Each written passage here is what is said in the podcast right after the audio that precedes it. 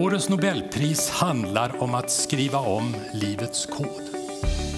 Kungliga Vetenskapsakademien har beslutat att utdela 2020 års Nobelpris i kemi gemensamt till Emmanuel Charpentier och Jennifer Doudna.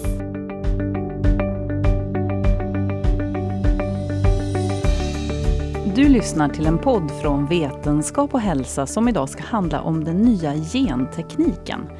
Vi kommer att prata om hur den fungerar och hur den kan bidra till bättre hälsa och hur detta blivit möjligt tack vare nya tekniker som till exempel den nobelprisade gensaxen CRISPR. Men vi ska också prata om de etiska problem som kan uppstå. Vi som presenterar dagens podd idag heter Eva Bartonek och jag är Tove Smeds.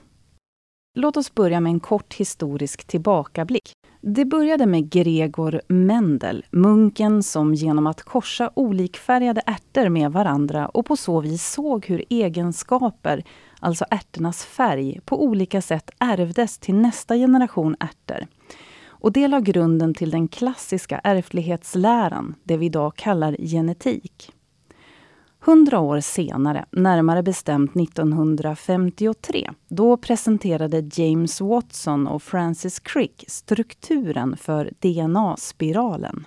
Och bara tre år senare, 1956 fastställde den svenska genetikern och Lundaforskaren Johan Albert Levan och amerikanen Jo Hin Chu att den mänskliga arvsmassan, det vill säga genomet, är fördelat på 46 kromosomer och inte 48 som man hade trott tidigare.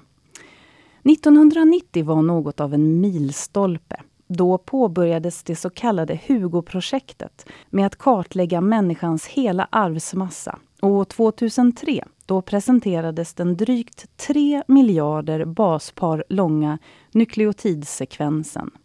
Och sedan dess har det gått otroligt snabbt vad gäller den gentekniska utvecklingen. Eller hur Eva? Jag hittade faktiskt ett konkret exempel på hur otroligt snabbt det har gått sedan dess. Eh, som du sa, det tog alltså 13 år att få fram människans hela arvsmassa. Och enligt uppgift så kostade det över en miljard kronor. Och bara fem år senare, i maj 2008 så skrev tidskriften Dagens Medicin att idag finns det instrument på marknaden som kan göra samma sak på några månader för under 10 miljoner kronor. Och i dagsläget då, 2020, så gör man det här på ett par dagar till en kostnad av några tusen lappar. Det är ju fantastiskt. Mm, men hur kan det komma sig att det går så snabbt nu för tiden? Hur har man lyckats nå dit? Den här tekniken som, som har gjort det möjligt kallas för NGS. Det står för Next Generation Sequencing. Och om man ska förklara den väldigt kortfattat så, så, så går det till så här. Man utgår från ett biologiskt material, oftast ett blodprov. Och provet då består av många celler från samma person. Så därför så innehåller den många kopior av samma arvsmassa. Och sen så går metoden ut på att man slumpmässigt delar sönder de här kopiorna i mindre bitar som man sen sekvenserar på samma gång. Och när man säger sekvensera, så med det menar man att man bestämmer den genetiska koden, det vill säga ordningen på bokstäverna i, i DNA-strängen. Du har ju liknat det där någon gång vid måttband och saxar. Berätta. Mm. Tänk er att ni har ett måttband, ett vanligt måttband från 0 till 100 cm. Då. Och det här måttbandet representerar då en kopia av arvsmassan. Och sen tänk då att ni har en påse full med många sådana här måttband som är helt identiska. Och sen tar man upp dem slumpmässigt och klipper sönder dem lite slumpmässigt och lägger tillbaks bitarna då så att Säg att ett måttband klipps vid 24, 53 och 75 cm ett annat vid 15, 35 och 80 och så vidare. Mm, då ligger alla bitarna huller om buller i den här kassen och så plockar man upp dem slumpmässigt och radar upp dem bredvid varandra på, på bordet. Och säg då att du till exempel får upp en bit som går från 0 till 24 cm. Och så får du upp en bit som går från 15 till 35 och då överlappar då sekvensen mellan 15 och 24 och då vet man att de här liksom hör ihop då. Och nu har du helt plötsligt fått en sekvens som går från 0 ända till 35. Så ungefär så här så funkade den här nya sekvenseringstekniken. Men om vi sen ska liksom översätta det till arvsmassan så får man ju då väldigt, väldigt, väldigt många mindre sekvenser som överlappar. Och tänk då på att vi sa att, att hela genomet var 3 miljarder basbar, så att då behöver man datorkraft till att pussla ihop de här överlappande sekvenserna så att de bildar då den här kompletta DNA-strängen. Vad kan man använda den här metoden till idag? Alltså det faktum att det går så snabbt och att det har blivit så billigt så kan man faktiskt börja använda den kliniskt. Till exempel då om man ska ställa diagnos på en sällsynt sjukdom som annars är svår att, att diagnostisera. Tänk till exempel ett barn med en misstänkt genetisk sjukdom. Då, då, gör man som så att man sekvenserar då genomet, både mammans, pappans och barnets genom. Och sen så letar man då efter avvikelser hos barnet som varken finns hos mamma eller pappa, för då kan det vara en indikation på att det hänger ihop med den här sjukdomen. Ett annat användningsområde där man använder den här tekniken är att sekvensbestämma cancertumörer. För att man vet att cancer kännetecknas av att det uppstår mycket mutationer i de här cancercellerna. Och det ger viktig information om vilken typ av behandling som passar bäst varje enskild patient. Då. Och det är det som kallas för personanpassad eller skräddarsydd behandling.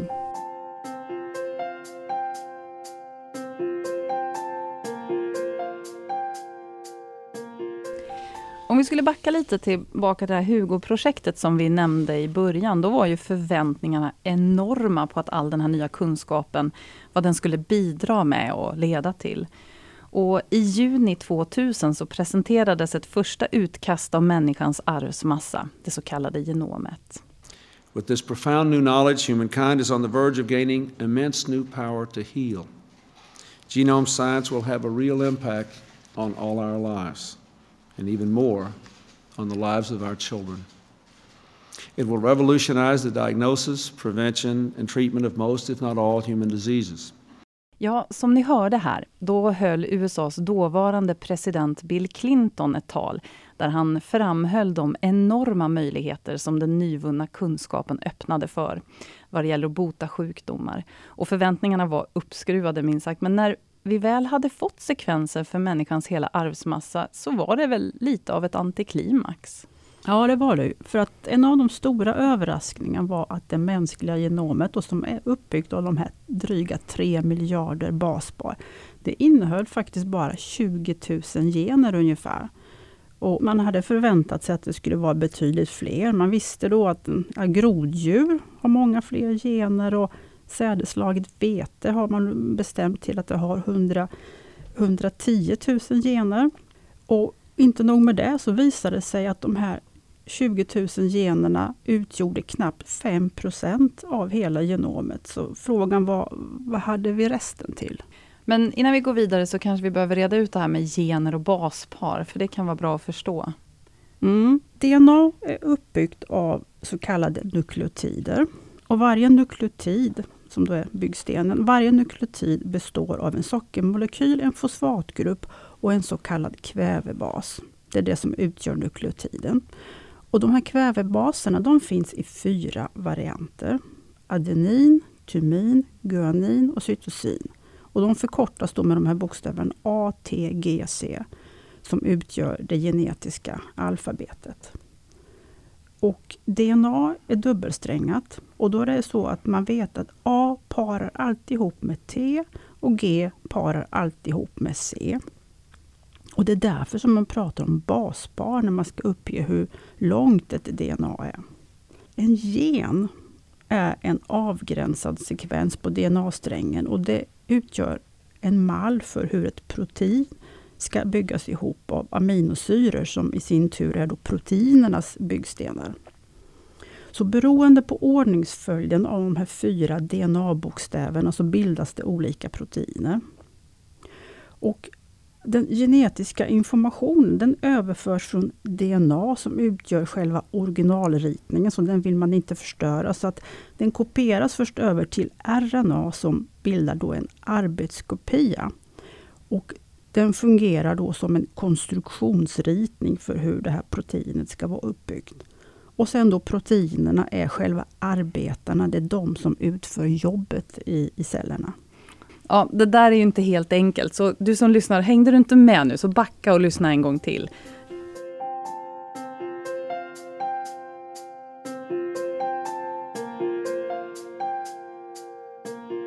Men om vi skulle återvända till det faktum att eh, generna utgör knappt 5 eh, av, av, eh, av vårt DNA.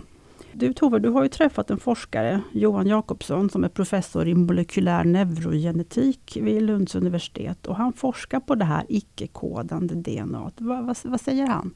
Han berättade för mig att den här icke-kodande delen av vårt DNA, som, alltså det som man tidigare har pratat om som slask-DNA eller skräp-DNA, och trott inte haft någon större funktion, det kan faktiskt vara involverad i en del sjukdomar. Eh, man tror att det deltar i vårt genom på ett aktivt sätt, fast hur har man inte riktigt förstått än.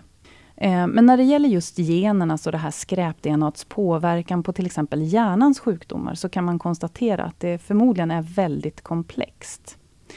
För det här med genetik, det är väldigt komplext. Johan Jakobsson tog som ett exempel längden, alltså hur långa vi blir. Eh, det har ju varit känt i tusentals år att om man är lång och får barn med en person som också är lång, ja då vet vi att chansen är ganska stor att barnen också blir långa. Men trots att längd är en så tydlig ärftlig egenskap så förstår vi inte riktigt varför eller hur det här går till, vilka gener som är med och spelar i, i den valsen. Och förmodligen så styrs längden av hundratals olika gener. Det låter ju lite rörigt. Men du, om vi skulle återvända till det här andra som förvånade, att vi hade så få gener. För man utgick då, innan så utgick man från att varje gen gav upphov till ett protein som hade en viss bestämd funktion. Och så räknar man med att när man väl hade koll på alla generna och därmed alla proteinerna så skulle det vara ganska enkelt att koppla ihop det med egenskaperna eller de här sjukdomarna som, som, som det gav upphov till och sen skulle det vara relativt enkelt att hitta ett bot kanske mot de här sjukdomarna. Men så insåg man då att det var inte så enkelt. Och faktiskt, man kunde inte förstå hur vi människor kunde klara oss med så få gener, vi som tror oss vara så avancerade. Det är faktiskt så att jag intervjuade Karin Broberg som är professor i arbets och miljömedicin och som under det här året också har varit koordinator för ett tvärvetenskapligt tema som handlar om just den här nobelprisade CRISPR-tekniken. Och hon förklarade så här. Och innan ni lyssnar på det så ska jag bara säga att det här plinget som ni hör i början på uppspelningen är ett mejl som kommer till Karins dator och som kom med när jag spelade in henne via Zoom. Vi måste utnyttja vårt genom väldigt effektivt. De gener vi har återanvänds nog på olika sätt genom splicing eller splitsning mellan eh, att det är olika promotorer som sätter på dem och slår av dem i olika vävnader. Och, och då har de lite olika längd och storlek och får olika funktioner. Så att jag tror att dels är nog vårt vårat genom är nog ganska effektivt. Medan man, en annan strategi i andra arter kan vara att man istället för att då använda samma gen men uttrycka olika mm. längd på det. Kanske att vete istället för att ha en omfattande splitsning eh, och utnyttja bara en gen till att ge olika proteiner har istället tio gener.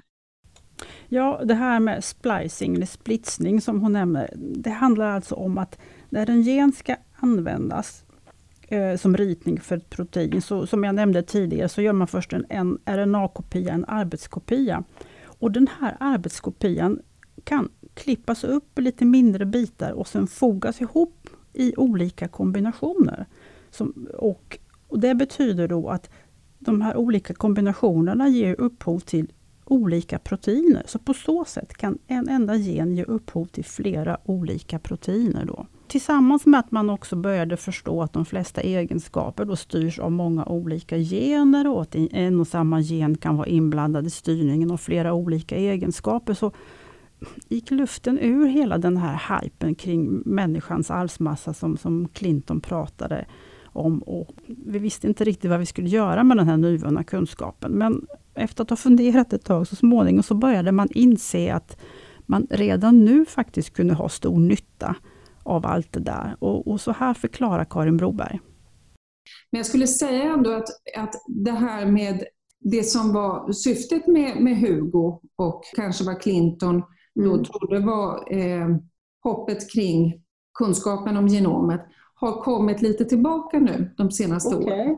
Och det är ju det som, som brukar kallas för personalized medicine eller personligt riktad medicin. Och det har igen eh, då bäring av att man nu kan sekvensera hela genomet och då få ett, en väldigt övergripande bild och se ändå om du ska gå in med en behandling och du vet att den här behandlingen reagerar vi olika på beroende på vilken genetik vi har. Så kan vi ändå då snabbt identifiera det antalet eh, gener eller genetiska varianter mm. som kan påverka hur behandlingen kommer att lyckas. Att jag tror att det finns ett nytt hopp nu med NGS kombinerat med kunskapen om genomet att mer skräddarsy behandlingar. Så att man inte får också de här trista bieffekterna som man kan få av många eh, läkemedel för att man då får, man får en helt annan dos än vad som är beräknad. Mm, jag får be om ursäkt här för allt hummande, men det var så intressant så jag kunde inte låta bli. Det är ju så ibland när man intervjuar forskare. Det kan vara väldigt, väldigt intressant. Men det finns några så kallade mondogena sjukdomar, alltså sådana som orsakas av en sjuklig förändring i bara en gen.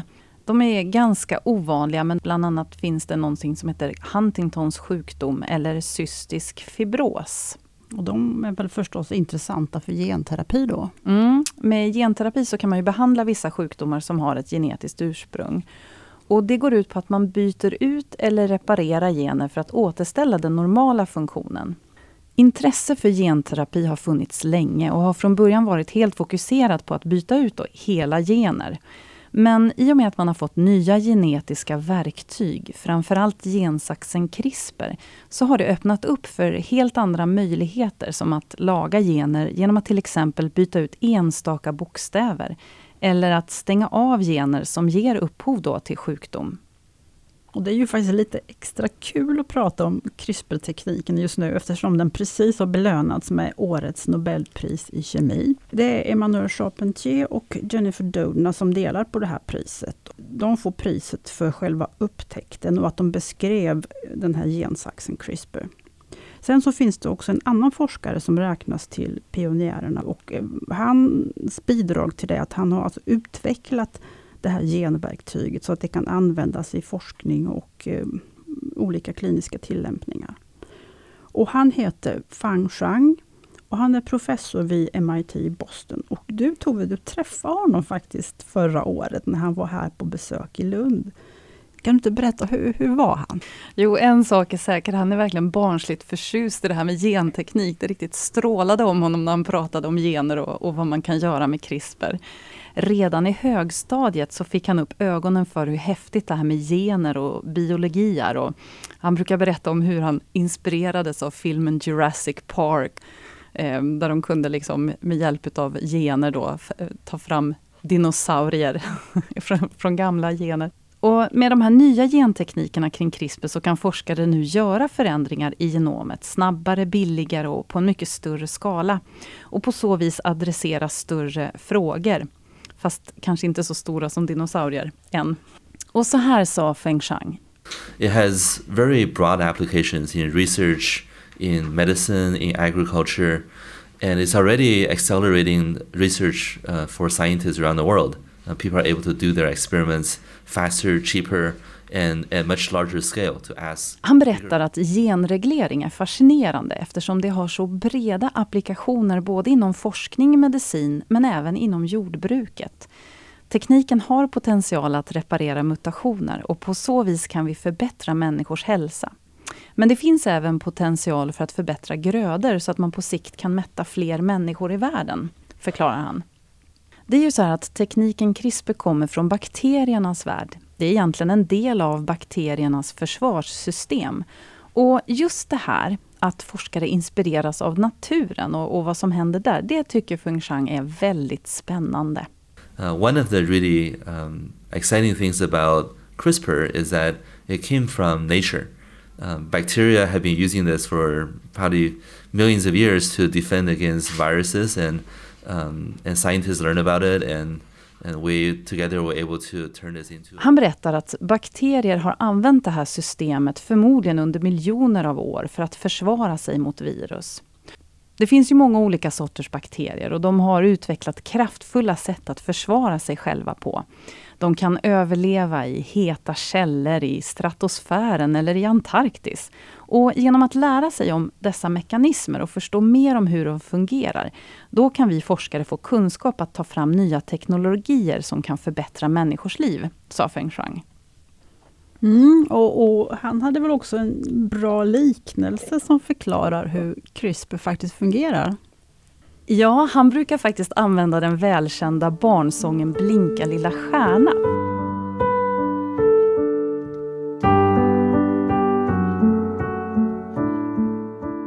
Tänk dig att man skriver fel i noterna. Istället för Blinka lilla stjärna där, så står det Blinka stora stjärna där. Och så vill man korrigera det felet.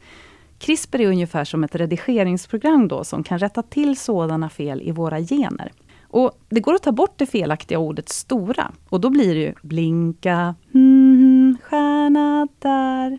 Eller så kan man lägga till ordet lilla och då blir det blinka lilla stora stjärna där. Så med hjälp av CRISPR så kan man ta sig in i dokumentet, leta rätt på det felaktiga ordet stora och sen klipper man ut ordet stora och genom att ge cellen en mall för ordet lilla så kan cellen själv reparera det här DNA med den nya återställda sekvensen, som då är korrekt. Det blir lite grann så att generna sjunger sången som det ska vara.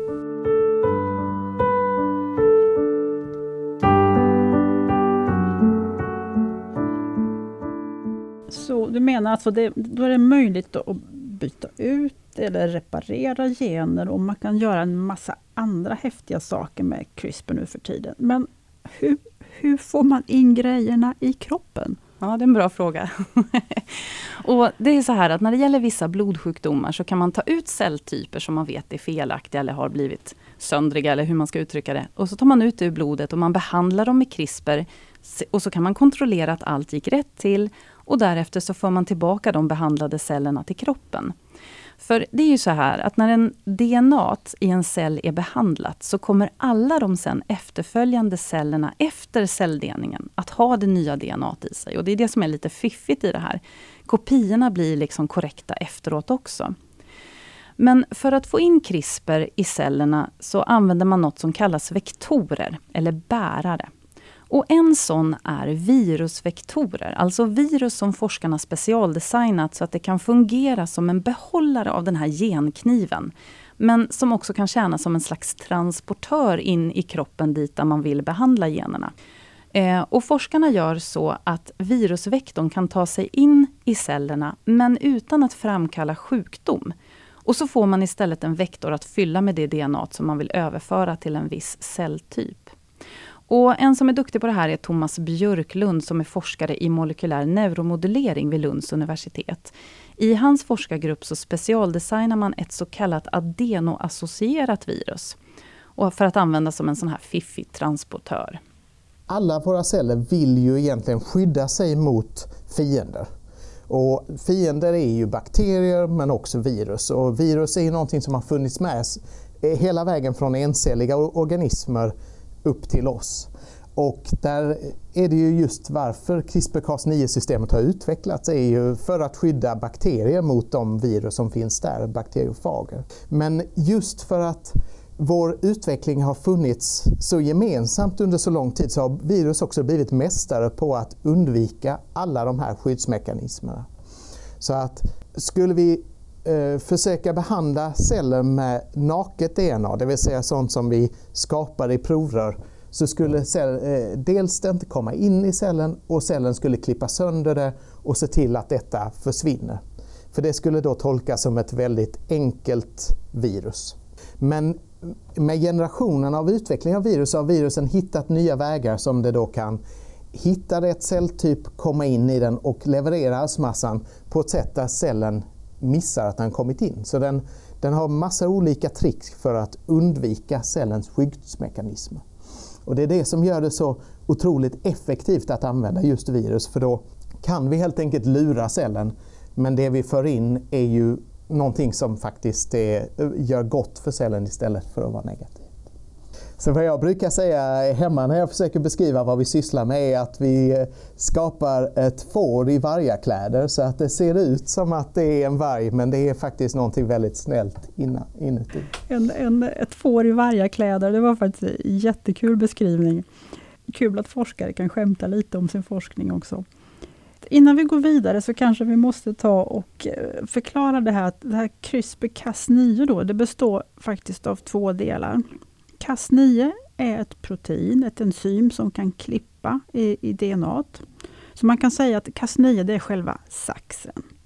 Sen den andra delen, eh, den består av en bit RNA som man skulle kunna likna vid en adresslapp. Det är den som leder saxen till det exakta stället där den sen ska klippa. Och det är det som gör det här verktyget så kraftfullt, att den faktiskt klipper på exakt rätt ställe. Mm, precis, och bakterierna har ju det här naturligt i sitt försvar då. Men vårt immunförsvar skiljer sig åt, så, så att, eh, det förklarar Thomas Björklund så här. En bakterie har det här proteinet Cas9 som en naturlig del i sin arvsmassa. Men det är ju inget som vi har, för det immunförsvaret är ju någonting annorlunda för oss. Så vi måste ha den här gensaxen levererad på något annat sätt. Och då behöver vi den genetiska koden för gensaxen. Och den genetiska koden skrivs då i det som vi kallar för DNA. Och DNA eh, kan man klistra in i, i cellen eller ge det på olika sätt. Och framförallt det bästa sättet och mest effektiva sättet för en cell att få nytt DNA eller arvsmassa är via virus. Så tittar vi i vår arvsmassa idag så har vi spår från tusentals eller tiotusentals virusinfektioner över generationer och utvecklingen som vissa har varit negativa och andra har varit väldigt positiva. Men den eh, stora effekten som de har haft är att de lämnar just genetiska spår. Och förenklat kan man då säga att det är det som man vill göra med genterapin för att få in gensaxen är att vi då tar och förändrar virus så att de eh, har med sig den här eh, koden för gensaxen Cas9. Så att det första man behöver göra är att klippa bort alla de generna som orsakar sjukdomen och sätta in den här genetiska koden för eh, gensaxen i virus. Så då eh, skapar man ett virus som har den funktionen och det blir då ett universellt virus som egentligen bara har saxen men inte instruktionen för var det ska klippa någonstans. Det är den andra delen som vi då kallar för CRISPR. Och CRISPR gör det som Eh, att den här gensaxen kan bli specifik så att den klipper på ett enda ställe i arvsmassan. Och det gör den just med att jämföra genetiska sekvenser i det som finns i vår egen arvsmassa med det som eh, finns i det här CRISPR-RNA. Och det är först när de två är exakt lika varandra som den klipper.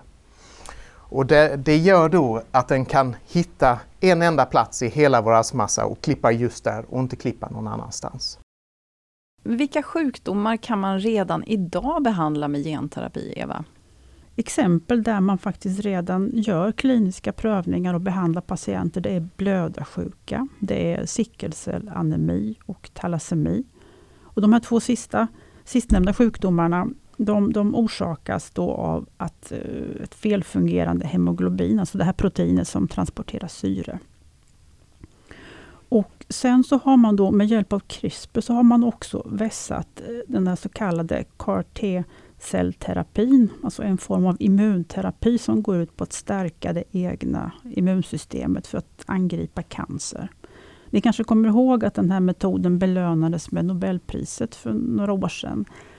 Och, eh, och man pratade ju om det här med att man skulle lätta på bromsarna så att immunsystemet kunde attackera cancercellerna. Och nu har man alltså gjort det ännu bättre med hjälp av, av den här gensaxen CRISPR. Då. Och man har också gjort stora framsteg vid behandling av till exempel spinal muskelatrofi 1 som är en muskelsjukdom som allvarligt kan störa mot motorikutvecklingen hos nyfödda. Och som tyvärr leder till döden, kan leda till döden inom ett par år om den inte behandlas. Så det har man lyckats med nu med hjälp av genterapi. Ja, det är ju fantastiskt. Jag har sett någon bild på någon flicka som, som hoppar runt och hon är fyra fem år eller så. Mm, lite extra kul är att Skånes universitetssjukhus deltar faktiskt i en internationell studie och man är först ut i Norden med att i kliniska studier ge behandling med genterapi till patienter med blödarsjuka. Och blödarsjuka det är då en genetisk sjukdom som gör att kroppen inte producerar en av de så kallade koagulationsfaktorerna som behövs för att blodet ska levra sig när det uppstår en blödning.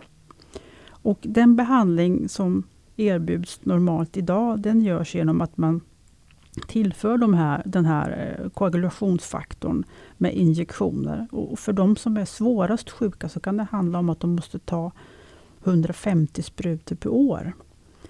Men med genterapi, så, så den här genterapin den går ut på att den skadade genen ersätts med en frisk gen som man för in med hjälp av en virusvektor, precis det som Thomas Björklund pratade om. Och då ska, så ska patienten förhoppningsvis slippa ta alla dessa sprutor, att kroppen kan producera den här koagulationsfaktorn själv. Ja, så att, som ni hör så finns det mycket spännande som är på gång. Men vad säger lagen? Vad får man göra egentligen? Ja, det är en bra fråga. Det finns flera olika lagar som, som liksom styr och som reglerar vad man dels får göra inom, inom vården och dels vad forskare får göra. Och för att reda ut det här lite grann så ringde jag upp Anna Nordberg som är biträdande universitetslektor vid juridiska fakulteten vid Lunds universitet i en grupp som kallas för Health Law. Och för att liksom få en lite bättre överblick då. In Sweden it is forbidden clinical trials that involve human genetic modifications that can be inherited. And this prohibition in Sweden extends to the use of treatment methods that are intended to achieve Kortfattat kan man sammanfatta det här med att försök i forsknings eller behandlingssyfte som medför genetiska förändringar som kan gå i arv hos människor, de får inte utföras. Forskning som innebär ett fysiskt ingrepp på en forskningsperson, det får utföras bara om den har godkänts av Etikprövningsmyndigheten. Så det är som vanliga kliniska prövningar, att man måste få ett tillstånd där. CRISPR kan ju också användas i diagnostik. Man kan till exempel undersöka om ett befruktat ägg bär på ärftlig sjukdom innan man implanterar det i livmodern. Och då kallas det för preimplantatorisk genetisk diagnostik. Och det får användas endast om mannen eller kvinnan bär på anlag för en allvarlig monogen eller kromosomal ärftlig sjukdom som innebär en hög risk för att få ett barn med en genetisk sjukdom eller skada. Behandling får inte användas för val av egenskap utan endast inriktas på att barnet inte ska ärva anlag för sjukdomen eller skadan i fråga. Och sen gäller som vanligt att hälso och sjukvårdspersonal ska utföra sitt arbete i överensstämmelse med vetenskap och beprövad erfarenhet då, när vi kommer till att prata om vård med hjälp av CRISPR. Men det finns fortfarande en stor utmaning att lösa och det är att lagstiftningen globalt behöver harmonieras. Anna lyfter fram att i vanliga fall, när vi inte har en pandemi, så finns ju möjligheten att människor kan resa till ställen där behandlingar annonseras på kanske felaktiga grunder, alltså saknar vetenskaplig evidens. Det som vi kallar för medicinsk turism. Och risken då är att man kommer tillbaka med svåra bieffekter och behöver mer vård. Eh, så därför behövs en gemensam policy globalt för, att, för hur man ska förhålla sig till de här nya teknikerna, menar Anna Nordberg. Och för att lagstiftningen ska bli bra när det gäller sådana här nya tekniker som CRISPR, så behövs en bred diskussion som engagerar allmänheten. Eh, både patienter och patientorganisationer, men även hälso och sjukvårdspersonal och forskare från olika fält behöver vara engagerade i, i det här, liksom när man mejslar fram det nya. Och det är väl det, utmaningen är väl också att teknikutvecklingen går så snabbt, medan det här andra går lite långsamt. Mm. Så att använda genteknik för att bota sjukdomar som orsakar ett stort lidande eller där behandlingen räddar liv eller bidrar till väsentligt förbättrad livskvalitet. Det verkar ju ganska oproblematiskt så länge nyttan är större än riskerna. Men det finns ju faktiskt en del etiska frågor som väcks i samband med de här teknikerna. Och en tillbakablick i historien visar också att det behövs en bred etisk diskussion i samhället, eller hur? Mm. Det var ju så här att när kunskapen om ärftlighet av egenskaper växte fram i början av 1900-talet efter Mendels ärtförsök Eh, då ledde det till att man faktiskt började tolka oro och problem i samhället i form av ärftliga faktorer. Man skyllde liksom de här problemen på att det är något fel med ärftligheten här. Um, och jag träffade Anna Thunlid som är idé och lärdomshistoriker vid Lunds universitet. Och hon berättar så här. Ett konkret uttryck för att man var så bekymrad över att den svenska befolkningens ärftliga sammansättning skulle försämras, det var antagandet utav steriliseringslagarna. Där den första beslutades om 1934 och den andra 1941. Och det riktades ju mot de grupper i samhället som man ansåg hade en dålig ärftlig konstitution. Speciellt så fokuserades det mot den grupp som kallades för sinneslöa. Det var de som steriliserades i störst utsträckning. För de ansågs ha ett dåligt arv som inte skulle föras vidare. Det fanns ju en förvånansvärt stor enighet om detta. Det var alltså inte politiskt kontroversiellt egentligen, utan steriliseringslagarna antogs i stor politisk enighet. Det fanns enstaka röster som var emot. Men som sagt, majoriteten tyckte att detta var en helt rimlig lagstiftning.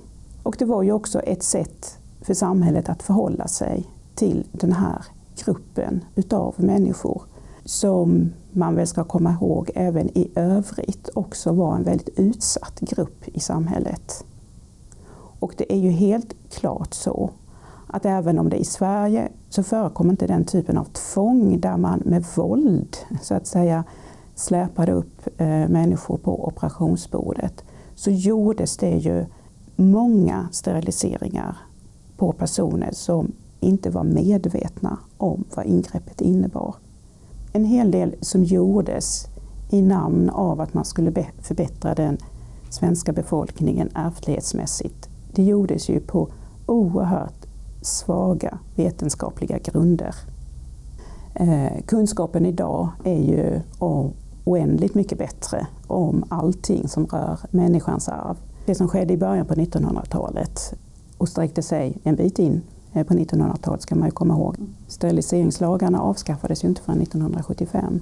Men grunden för dem, den lagstiftningen var ju att man ansåg att det fanns ett behov att förbättra hela befolkningen. Det var ju inte inriktat på individen så mycket som det var inriktat på att den svenska befolkningen skulle förbättras. Idag ligger forskningsfokuset på att bota och behandla med hjälp av den här nya, de här nya genteknikerna. Men tänk om man skulle kunna påverka mentala egenskaper och göra folk mer stresståliga eller att man kanske inte påverkas av en komponent i arbetsmiljön som kan vara giftig för gemene man. Hur ska vi förhålla oss då när tekniken blir så säker? Att man faktiskt kan göra väldigt mycket. Den är ju väldigt specifik den här tekniken. Det finns saker här som Anna Thunlind menar att vi som samhälle måste diskutera. Det man eh, ska se upp med tänker jag är ju till exempel hur en viss typ utav metod eller behandling riskerar att förstärka skillnader som redan finns i samhället och att grupper som redan i något avseende har en mer utsatt situation kanske riskerar att få det relativt sett ännu värre eller bli drabbade. Och när vi har haft diskussioner kring nya, nya tekniker så, så är det oftast att det finns eh, jättestora förväntningar när en teknik kommer, vad man ska göra med den och hur, hur den ska kunna användas. Och sen så visar det sig att det inte riktigt går och sen så dalar liksom kanske intresset. Men sen så utvecklas teknikerna och sen så kan de ju liksom komma tillbaka och, och med helt nya möjligheter då för tillämpningar. Och de tillämpningarna kan ju ibland vara väldigt bra men det kan ju också då bli möjligt att göra tillämpningar som man tycker är mindre bra eller mindre önskvärda. Och därför jag tycker det är viktigt att man har ett långt historiskt perspektiv på dessa frågor. Och det är klart att när det gäller då att förbättra människan så har vi det här historiska exemplet med oss. Att en gång i tiden så fanns det stora ambitioner att förändra och förbättra eh, människan, även om det var på befolkningsnivå. Och det var ju inte människor med onda avsikter. Man gjorde ju detta för att man, man trodde att det skulle föra något gott med sig. Man gjorde det ju också under åtminstone en period så var man ju ganska övertygad om att man stod på vetenskaplig grund Sen började ju detta ifrågasättas om man kunde genom att sterilisera människor på något sätt åstadkomma den här förbättringen av befolkningen som man var ute efter. Det visade sig att det är ju inte, det är inte möjligt. Men det fanns en period man trodde att det var möjligt. Jag tycker att det långa historiska perspektivet gör att man ska vara, att man i alla fall inte ska avfärda diskussionerna om att det skulle kunna i framtiden dyka upp fall när det, man kan ta upp diskussionen på nytt. Om vi kanske skulle kunna få göra förändringar på embryonivå och låta sådana embryon fortsätta att utveckla sig. En lagstiftning är ju inte en naturlag. Utan en lagstiftning går ju att förändra om man anser att det finns tillräckligt goda skäl. Ja, mer material från den här intervjun finns på vår hemsida och där kan ni kika in under fliken poddar och så hittar ni länkar till det. Mm, jag har träffat Niklas Vareman, forskare i medicinsk etik, för att höra mer om vilka etiska frågeställningar som finns med den här nya gentekniken som vi behöver ta ställning i. Hur förändrar det våra värderingar om vi har, någon, om vi har den här tekniken som säger att den funkar helt perfekt? Den gör precis vad den ska. Liksom. Vad, vad kommer det medföra med hur vi ser på vad som är normalt, vad som är vad som är en sjukdom, vad som är en defekt, när vi har sådana möjligheter att, att fixa till. Våra värderingar kring det här kommer ju förändras långsamt i takt med att de där teknikerna blir vanligare och vanligare.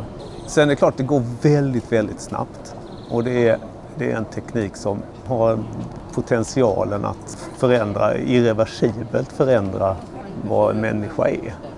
Man kan ju göra det här antingen då terapeutiskt men man kan ju också börja mixtra då på eh, embryonivå så att, eh, så att hela genuppsättningen förändras och även könsceller. Och, och då kommer ju det, denna förändring gå i arv då. Och det är då germline. Att, man, att en förändring sker på könscellsnivå. Och då förändrar man ju liksom eh, den personen och alla dess efterkommande. Hur vi ser på liksom oss och vår, vår omgivning? Vill, vill, vi, vill vi att allting ska vara ungefär likadant, att alla ska vara likadana eller, eller vill vi ha, ha en variation? Och då skulle ju alla säga, ja men det är klart vi vill ha variation. Liksom. Ja, men vad, vad består den variationen i då? Liksom? Mm. Vill man ha ett barn med en allvarlig sjukdom som eh, Nej, det vill man väl inte kanske. Då. Så, så där går någon gräns då för variationen kanske. Då. Så, men, men, men var går den gränsen? Och hur mycket ska vi snäva in det här? Vad är normalitet? Då får vi tacka så mycket för att ni har lyssnat på den här podden från Vetenskap och hälsa. Vi som har gjort den heter Eva Bartonek och Tove Smeds. Studiotekniker är George Godfrey, Skåneds universitetssjukhus. Så får vi passa på att säga att ett tillfälle att sätta sig in i ämnet ännu mer kommer faktiskt ganska snart närmare bestämt den 11 november på Forskningens dag som i år äger rum helt digitalt och ni kan följa det då både eh, livestreamat eller i efterhand. Där får ni möjlighet att träffa de här forskarna som vi har nämnt här i podden men också andra som kommer att tala om vad genteknik kan användas till, vad som är på gång, vad som ligger längre fram och så vidare. Sen finns det också en massa material på vår hemsida i form av en hel tidning på det här temat och den här tidningen släpps den 6 november både som papperstidning och digitalt. Så att håll utkik på vår hemsida vetenskaphalsa.se. Där kommer det finnas all möjlig intressant information. Tack för att ni har lyssnat.